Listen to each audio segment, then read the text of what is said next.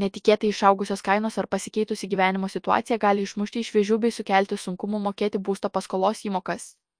Žinoti, kaip tokioje situacijoje elgtis ir kaip išvengti nemaloniausių scenarijų, aktualu ne tik susidūrus su iššūkiais, bet ir kiekvienam turinčiam ar planuojančiam imti būsto paskolą. Pirmas vaistas - finansinė drausmė. Siekiant išvengti paskolos mokėjimo vėlavimų susidūrus su finansiniais sunkumais, pirmiausia reikėtų įvertinti savo galimybę sumažinti išlaidas bei nusistatyti veiksmų planą. Neretai tokio plano sudarimas gali pareikalauti bent minimalių gyvenimo būdo pokyčių, tačiau laiku įvesta finansinė disciplina ilgainiui gali padėti išvengti sudėtingesnių problemų. Norint sumažinti savo išlaidas, įdant pakaktų lėšų būtiniems finansiniams įsipareigojimams vykdyti, pirmiausia reikėtų atidžiai jas peržiūrėti. Įvertinkite savo paskutinių poros mėnesių išlaidas iki pačių smulkiausių, mat net ir nedideli pirkiniai mėnesio gale gali sudaryti solidžią sumą. Šiandieną, jei daugiausiai atsiskaitote banko kortelę, išlaidas įvertinti padės tokie įrankiai kaip mano biudžetas. Jei dažnai atsiskaitote grinaisiais, reikėtų susirasti kuo daugiau parduotuvių čekių, prisėsti ir gerai apgalvoti patirtas išlaidas bei įvertinti, kurios iš jų būtinos, o kurių galima atsisakyti vardan didesnės finansinės ramybės ir užtikrintumo tuomet liks susikurti savo biudžeto planą ir jo laikytis. Tam tiks paprasčiausia Excel lentelė, kurioje bus įvardytos visų būtinųjų ir nebūtinųjų išlaidų eilutės. Mėnesio biudžeto plano pavyzdį rasite čia. Sudarinėdami planą ir skirstydami savo pajamas į atitinkamas eilutes prioritetą teikite būtinosioms išlaidoms paskolos įmokoms, atsiskaitimams už komunalinės paslaugas, maistui. Likusias pajamas padalykite kintamoms išlaidoms drabužiams, avaliniai, pramogoms bei būtinai įtraukite ir kiek galite prioritizuokite taupimo eilutę. Finansinis rezervas padės ištikus finansiniams netikėtumams. Banko siūlomos išeitys. Jei matote, kad vien jūsų pastangų taupiau gyventi gali nepakakti, labai svarbu nedelsti ir susisiekti su banku. Banko specialistai, įvertinę situaciją, kiekvienam klientui ieško individualių sprendimų.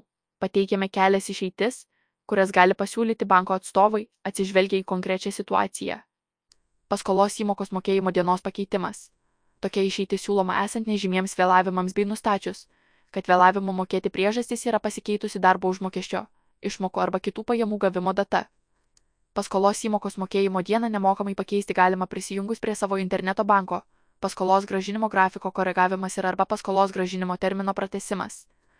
Tokia priemonė dažniausiai taikoma tada, kai kredito gavėjo finansiniai sunkumai yra neženklus pavyzdžiui, nežymiai sumažėjusios pajamos. Toks sprendimas padės sumažinti mėnesio įmokos dydį bei išvengti finansinės įtampos. Jei pajamos po kurio laiko padidės ar atsiras papildomų, bus galima pasitarti su banku dėl galimybės atlikti iš ankstinį gražinimą ar trumpinti paskolos terminą.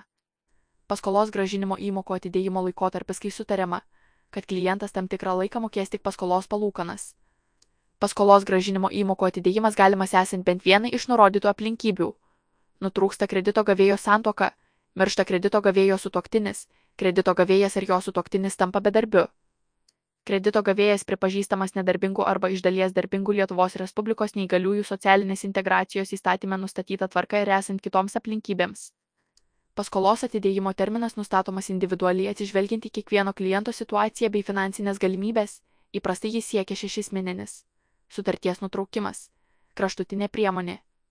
Bendradarbiavimas su banku tokiuose situacijose. Esminė sąlyga mat praėjus daugiau nei pusmečiui, kai klientas nevykdo savo įsipareigojimų ir su banku nebendradarbiauja, bankas įgyja pagrindą nutraukti paskolos sutartį. Nutraukus paskolos sutartį, pradedamas priverstinis skolos išieškojimo procesas.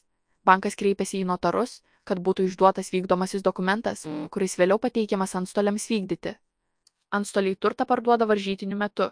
Visgi būtina pažymėti, kad tai yra kraštutinė priemonė, Dar iki sutarties nutraukimo klientui siūlomos įvairios priemonės pradelstiems mokėjimams valdyti, randamas konkrečiai situacijai tinkamas problemos sprendimo būdas.